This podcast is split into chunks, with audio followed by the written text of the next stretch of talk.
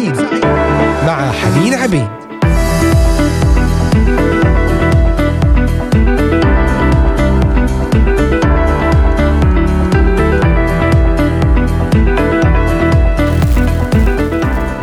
أهلا بكم أحبائي المستمعين في هذا اليوم الثلاثاء التاسع والعشرين من شهر نوفمبر عام 2022 والساعة الواحدة وسبع دقائق بتوقيت القدس من الأراضي المقدسة من إذاعة صوت الأمل أجمل وأطيب تحية. حلقة جديدة من برنامج نهاركم سعيد. أحيي كل المستمعين لما أستطع التواجد معكم خلال الأسبوع الماضي بسبب الإصابة بفيروس كورونا ولكن أشكر الرب على حمايته وعلى نعمته وعلى شفائه ونقدم اليوم حلقة جديدة بنعمة الرب. أهلا بكل مستمعينا أينما كنتم من الأراضي المقدسة بلدان أوروبا كندا أمريكا أستراليا بلدان الشرق الأوسط المختلفة. واهلا بكل من يستمع عبر قناة اليوتيوب إذاعة صوت الأمل بث مباشر وعبر تطبيقات الهواتف النقالة Voice of Hope Middle East وعبر موقعنا الرسمي voiceofhope.com أيضا بإمكانكم زيارة صفحتنا على الفيسبوك إذاعة صوت الأمل وكتابة تعليقات أفكار وطلبات صلاة نرحب بكم بكل سرور. وعلى منصات البودكاست المختلفة أنغامي Spotify Deezer Amazon Music Castbox Apple و Google Podcast ومنصات Podbean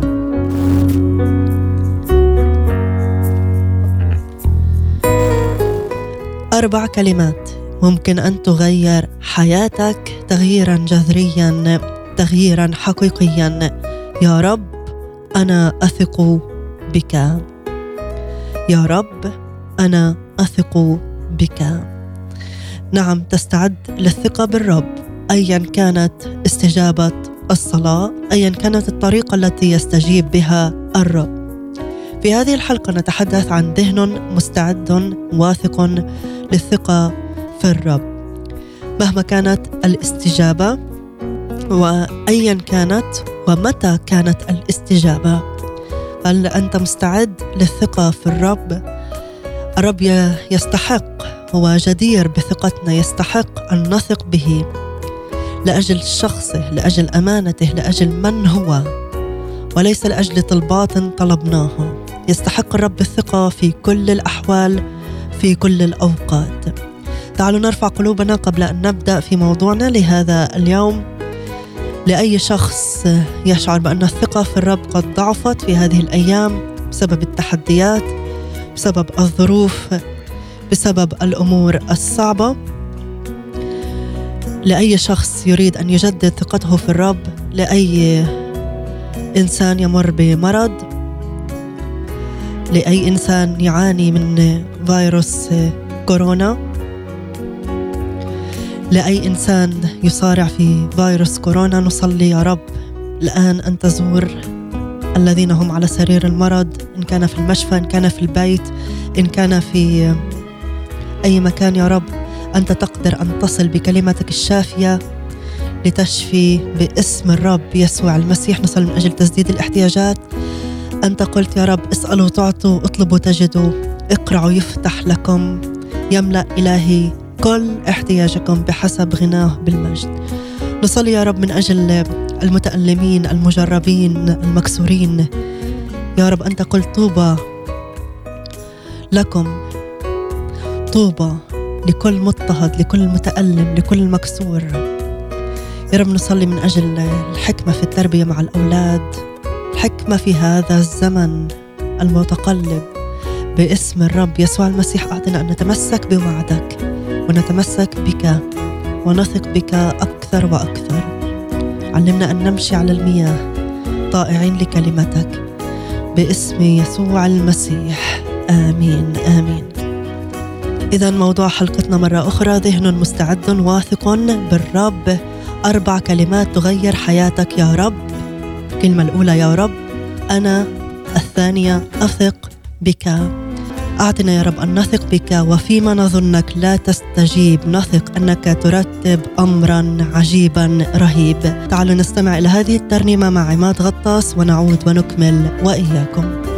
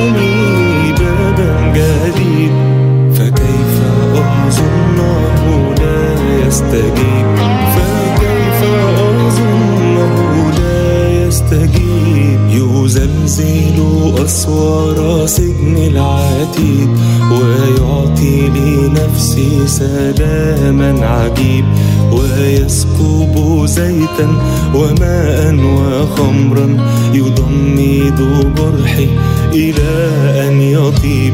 رأيته ينظر من فوق الصليب ويركب رجوعا له من بعيد ودمه كان بعد.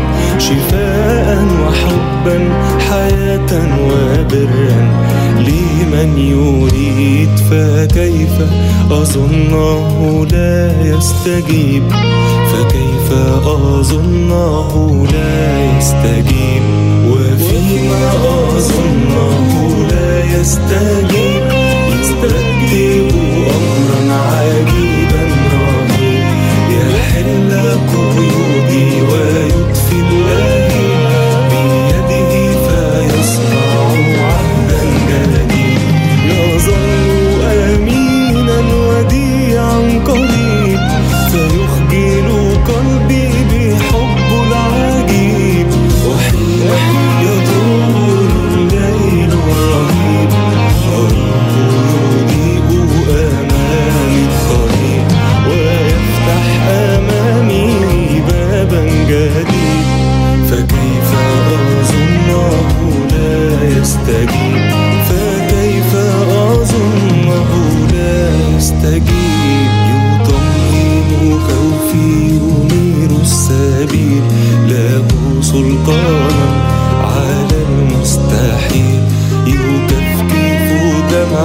ويرفع حملي على كتفيه بطول المسير.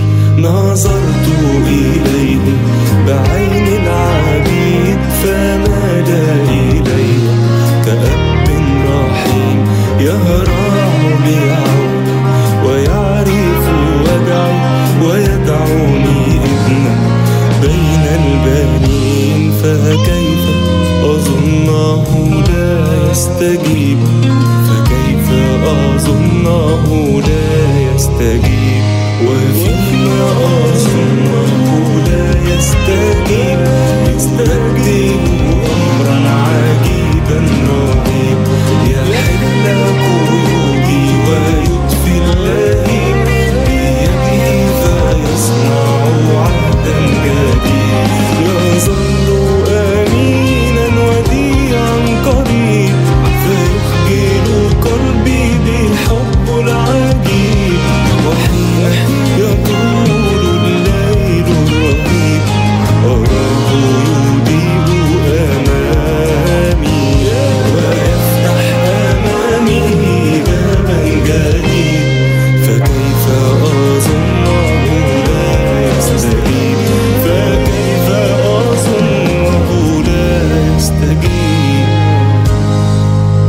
ويدعوني في يوم الضيق أنقذك فتمجدني. أنتم تستمعون الآن لبرنامج نهاركم سعيد مع حنين عبيد.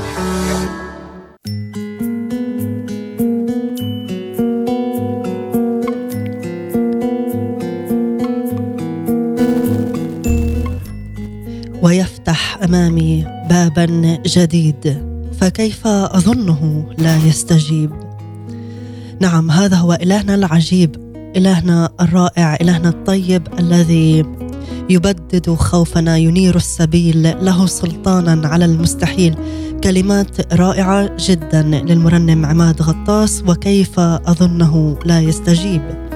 في هذه الحلقة نتحدث عن الثقة في الرب. ذهن مستعد للثقة في الرب ايا كانت الاستجابة. تحلى بالثقة. قل له يا رب زد ثقتي بك. لابد أن تكون حياتنا معتدلة وهذا لا يعني أن نخلط الإيجابية ببعض من السلبية بل أن يكون لنا الذهن الواعي المستعد للتعامل مع كل ما يحدث مع كل ما يسمح به الرب ما تسمح به عنايته الإلهية سواء كان إيجابيا أو سلبيا. تطالبنا كلمة الرب أن نتحلى بذهن نشط مستعد وهذا يعني أن يكون لنا الذهن المفتوح لقبول مشيئة الرب مهما كانت هذه المشيئة من نحونا. قصة واقعية عن شابة انفصلت عن خطيبها منذ عدة أعوام بعد أن صرفت معه وقتا في الصلاة لأجل علاقتهما. حتى يعلن لهما الرب بوضوح إن كان يجب أن ينفصلا أم يستمران معا. إلا أنها كانت تأمل أن تستمر علاقتهما وكانت تفكر وترجو وتصلي حتى يعاود خطيبها الاتصال بها ليخبرها أنه يكن لها نفس المشاعر القديمة. فطلب طلبت المشيرة منها أن تتحلى بالذهن المستعد لقبول كل شيء حتى تكون مستعدة إن لم تسر الأمور وفق ما تريد.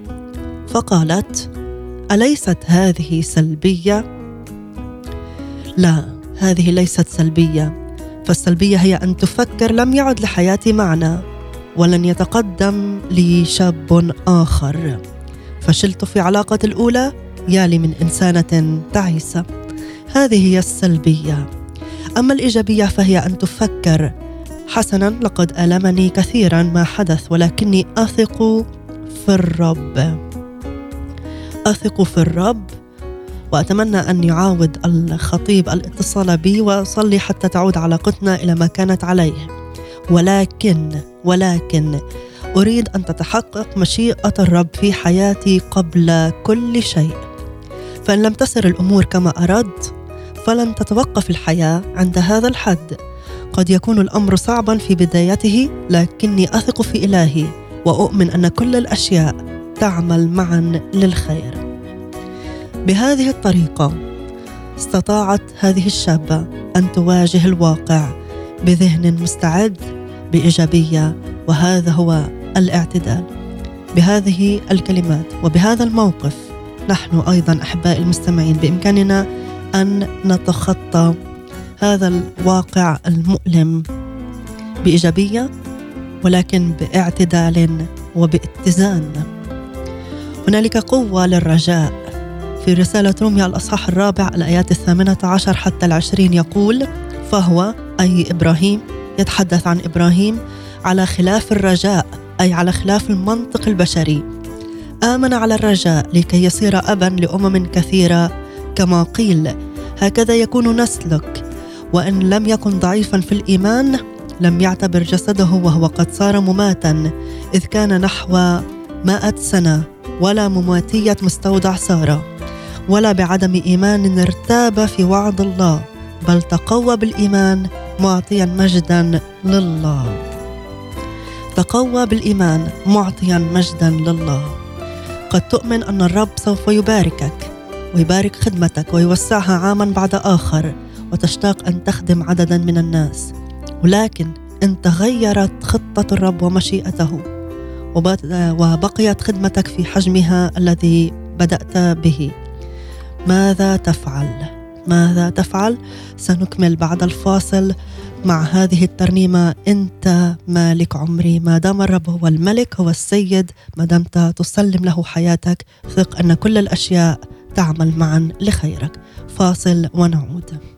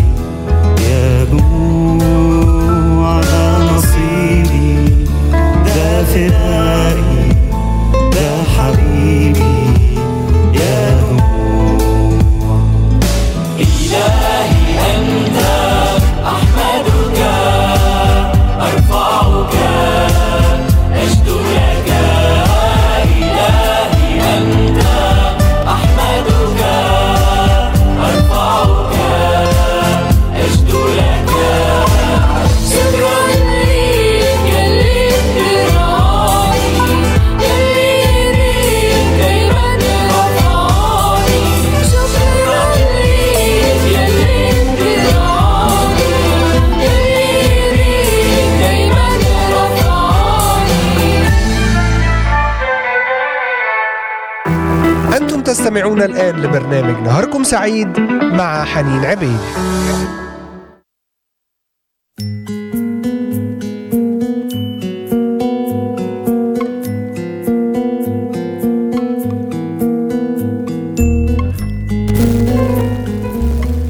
نعم شكرا ليك يلي بترعاني يلي إيديك دايما رفعاني. أنا أثق بك يا رب. لأنك ترفعني لأنك تسدد احتياجي لأنك تسندني. نتحدث في هذه الحلقة عن ذهن مستعد للثقة بالرب. ايا كانت الظروف ايا كانت الاستجابة. هل أنا أثق بالرب؟ هل أستمر واثقا به؟ وقرأنا قبل الفاصل الآية من رسالة روميا الأصحاح الرابع. فهو أي إبراهيم على خلاف الرجاء على خلاف المنطق البشري آمن على الرجاء لكي يصير أبا لأمم كثيرة. كما قيل هكذا يكون نسلك. وبقية الآيات حتى العشرين بإمكانكم أيضا مراجعتها وقراءتها أحبائي المستمعين. وتحدثنا عن زوجين كانا يخدما الرب وتحدثت هذه السيدة عن قصتها قالت نؤمن أن الرب يبارك خدمتنا وسيوسعها عاما بعد الآخر لأننا نشتاق أن نخدم عددا أكبر من الناس.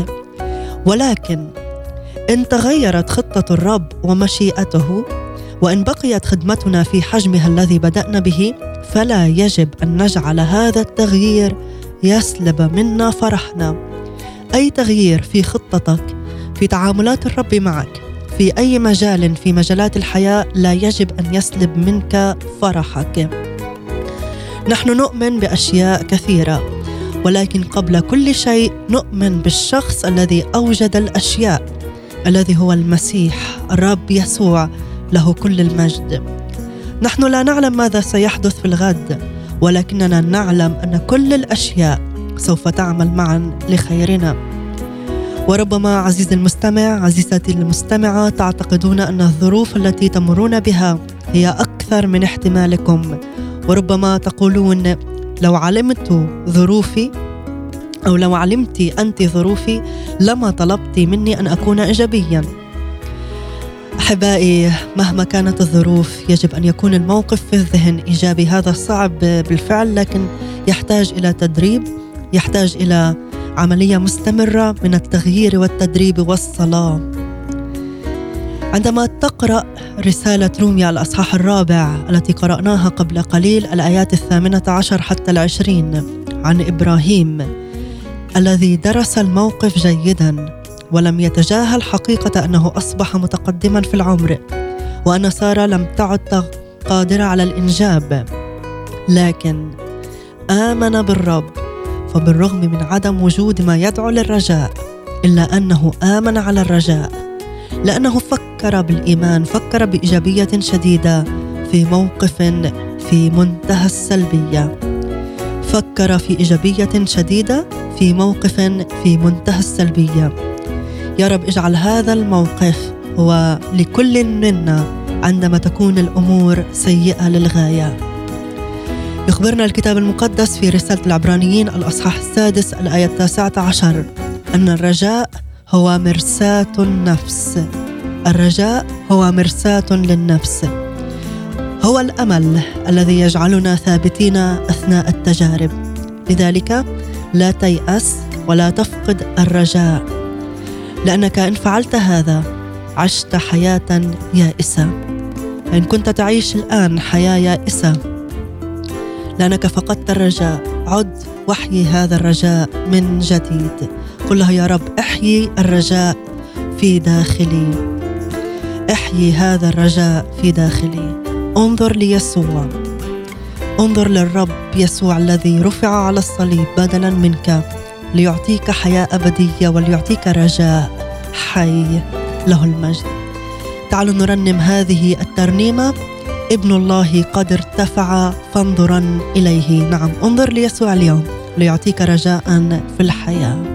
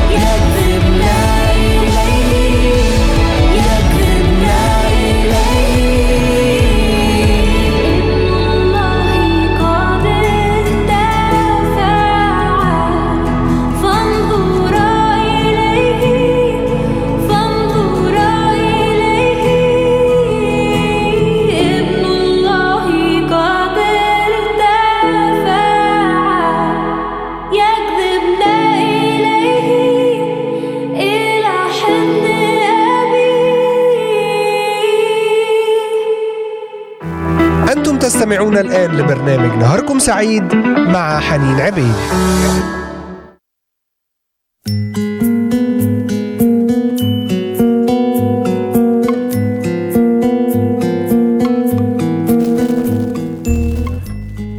نعم ابن الله قد ارتفع يسوع ارتفع على الصليب. فداء لنا فداء لحياتنا من الخطية وأيضا ليعود ويفتدي ويقيم كل شيء فقدته في حياتك.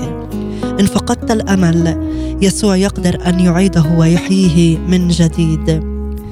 نتحدث في هذه الحلقة عن الثقة بالرب مهما كانت الاستجابة. ذهن مستعد للثقة بالرب مهما كانت الاستجابة التي يستجيب بها لصلاتي ومهما كان الوقت. لتحقيق هذه الاستجابة. عد وحي هذا الأمل من جديد لا تخشى شيئا. أحبائي نعم قد لا تسير الأمور دائما كما خططنا لها ولا لا بد أن نجتاز في خيبة آمال. لكن نستطيع أنا وأنت ونستطيع جميعنا أن يكون لدينا الموقف الإيجابي حتى عندما تخيب الآمال. فقط عندما نسلم عندما نخضع لعمل الله المعجزي. توقع وتوقعي أن تحدث معجزات في الحياة. انتظر امورا رائعة. انتظروا امورا رائعة. انتظروا حتى تنالوا. يقول في سفر أشعياء الأصحاح الثلاثين ولذلك ينتظر الرب ليتراءف عليكم. ولذلك يقوم ليرحمكم. لأن الرب إله حق. طوبى لجميع منتظريه. هذه آية رائعة جدا مباركة. إن تأملناها امتلأ قلبنا بالرجاء والأمل. يقول الرب إنه يبحث عن شخص يتراءف عليه ويرحمه وهذا الشخص لا يمكن أن يكون ذا تفكير سلبي بل يجب أن يكون في حالة انتظار واشتياق وتوقع لكل ما يريد الرب أن يباركه. به. احذر التشاؤم احذر التشاؤم. لا تتوقع أمور سلبية. لا تتوقع لربما أمر مروع سوف يحدث لي. لا تتنبأ بهذا ابدا. هذه المشاعر إن استسلمنا لها ستزداد سوف تتعمق. لكن أطلب من الرب أن يعطيك وعيا لها وعيا لوجودها في داخلك. وعيا للتشاؤم للإحباط لكل عدم إيمان. يقول في سفر الأمثال الأصحاح الخامس عشر والآية الخامسة عشر كل أيام الحزين شقية.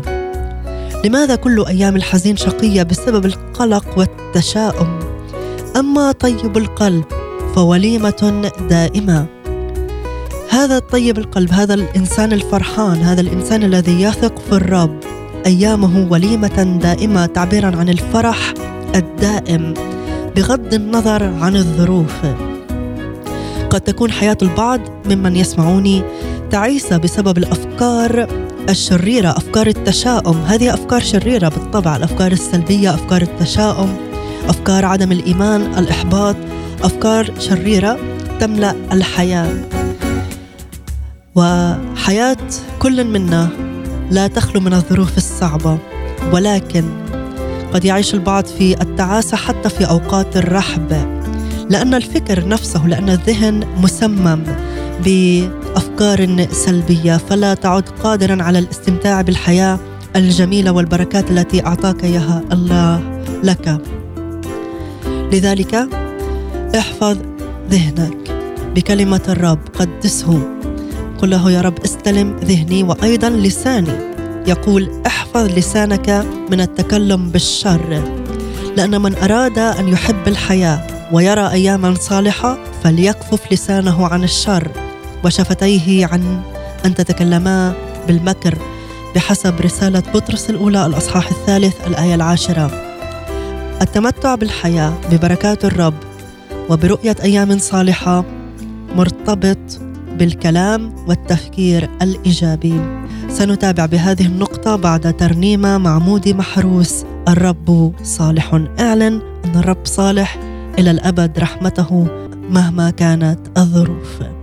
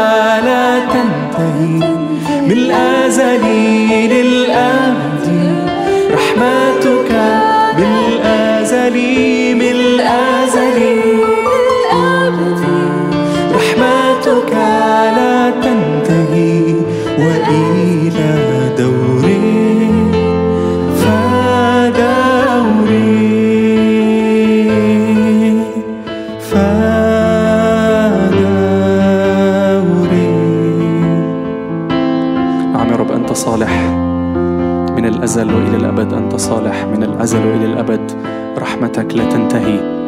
يا رب بنصدق في صلاحك. يا رب بنصدق إنه يا رب مراحمك على كل أعمالك. يا رب كل أعمالك بتعملها برحمة.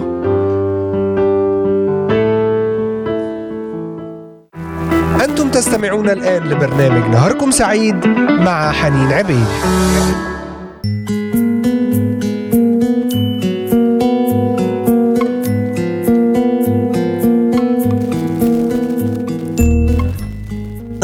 صالح من الأزل للأبد رحمته لا تنتهي ما أعظم. هذا الشعار أن يكون شعارنا في كل يوم وفي كل ظرف. كما ذكرنا قبل الفاصل سفر الأمثال الأصحاح الخامس عشر والآية الخامسة عشر أيضا. كل أيام الحزين شقية. لماذا؟ بسبب القلق والتشاؤم. أما طيب القلب فوليمة دائمة. دائمة فرح دائم بغض النظر عن الظروف. وقلنا أيضا أن حياة البعض قد تكون تعيسة بسبب الأفكار الشريرة السلبية والتشاؤم وعدم الإيمان الذي يملأ الحياة. كلنا نمر في ظروف صعبة. لكن البعض قد يعيش حياة تعيسة حتى في أوقات الرحب لأن الذهن مليء بالأفكار السلبية فلا يكون قادرا على الاستمتاع بالحياة وبالأيام الجميلة وبعطايا الرب بصلاح الرب. ذكرنا أيضا الآية من بطرس الأولى الأصحاح الثالث لأن من أراد أن يحب الحياة ويرى اياما صالحة فليكفف لسانه عن الشر وشفتيه أن تتكلما بالمكر. يتضح من هذه الآية أن التمتع بالحياة مرتبط برؤية أيام صالحة وأيضا بالتفكير والكلام الإيجابي. أن تنطق بالبركة أن تنطق بالحياة. فحتى لو كان تفكيرك سلبيا إلى أقصى حد ومهما كانت المدة التي ظللت فيها على هذه الحال بإمكانك اليوم عزيزي أن تتغير. تستطيع تقدر أن تتغير. قد يستغرق الوقت أو الامر وقتا طويلا ومعونة من الروح القدس. لكن حتما ستتغير النتيجة سوف تتحقق. أنت تعرف أيضا أن الأمر يستحق التعب والجهد والمثابرة. لكن ثق في الرب وكن ايجابيا مهما حدث. يقول في رسالة فيلبي الأصحاح الرابع لا تهتموا لا تقلقوا بشيء بل في كل شيء بالصلاة والدعاء مع الشكر لتعلم طلباتكم لدى الله. وسلام الله الذي يفوق كل عقل يحفظ قلوبكم وأفكاركم في المسيح يسوع. آمين. أثناء مسيرتنا مع الرب قد نمر بوقت نشعر فيه بصعوبة بالغة في تصديق أمور كنا نؤمن بها من قبل. ولا نعرف السبب لذلك فنصبح مشوشين جدا. ويزداد هذا التشويش ويقل الإيمان. وتشك في دعوة الرب لحياتك. وتشعر أنك فقدت الرؤية التي أعطاها لك. وتصبح تعيسا. لأن عدم الإيمان يولد التعاسة والبؤس. هنالك يا أحبائي أرواح تقيد الذهن. أرواح تقيد الذهن تكتشف من خلال الصلاة من خلال دراسة كلمة الرب من خلال الخلوة مع الرب.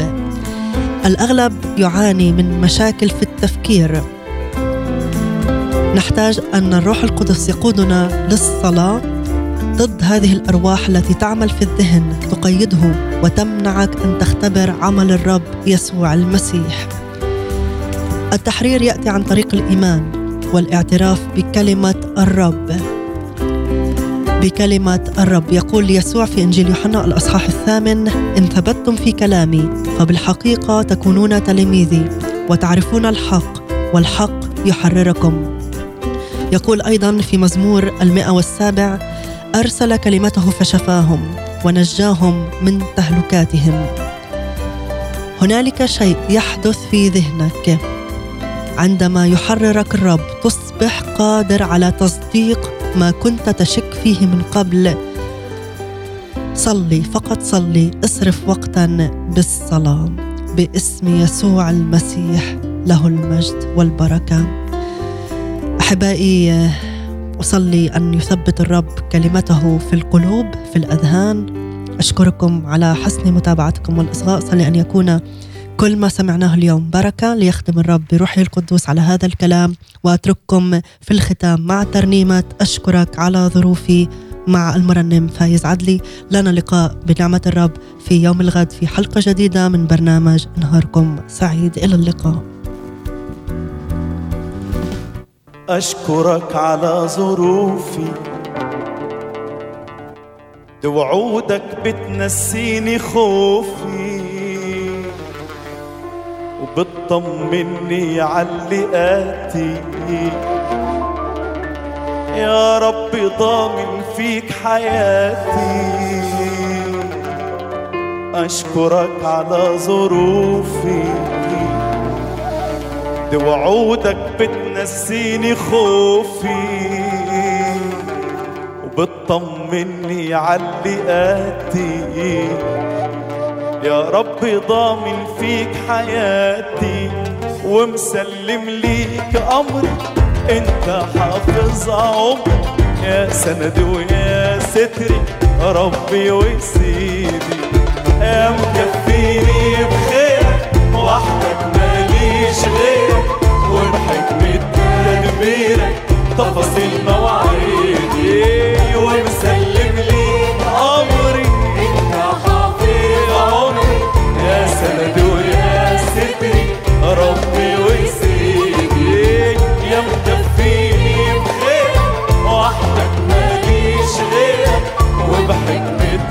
تدبيرك تفاصيل مواعيدي. ومين يقول بعد كلامك يا مالي أيامي بسلامة. يلي إيديك فوق الأيادي. كل اتكالي عليك يا فادي. ومين يقول بعد كلامك؟ يا مالي ايامي بسلامة يلي إيديك فوق الأيادي. كل اتكالي عليك يا فادي ومسلم ليك امري أنت حافظ عمري. يا سند ويا ستري ربي وسيدي يا مكفيني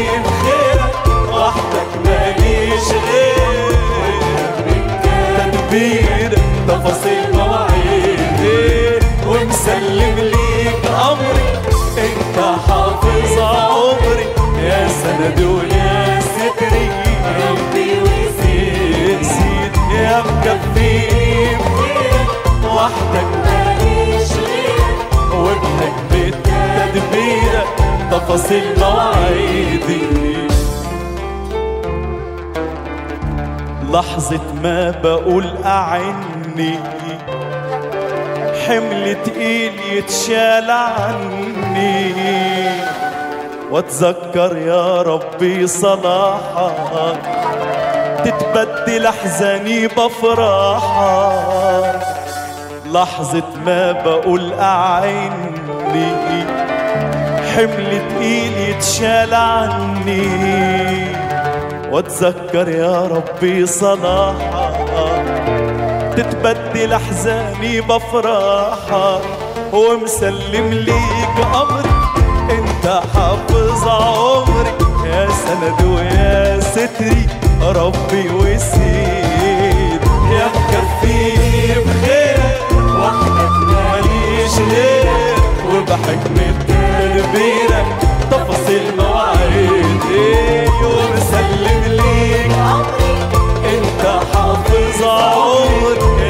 يا سند ويا ستري ربي وسيد يا مكفيني غيرك وحدك ماليش غيرك وبحكمة تدبيرك تفاصيل مواعيدي تفاصيل مواعيدي.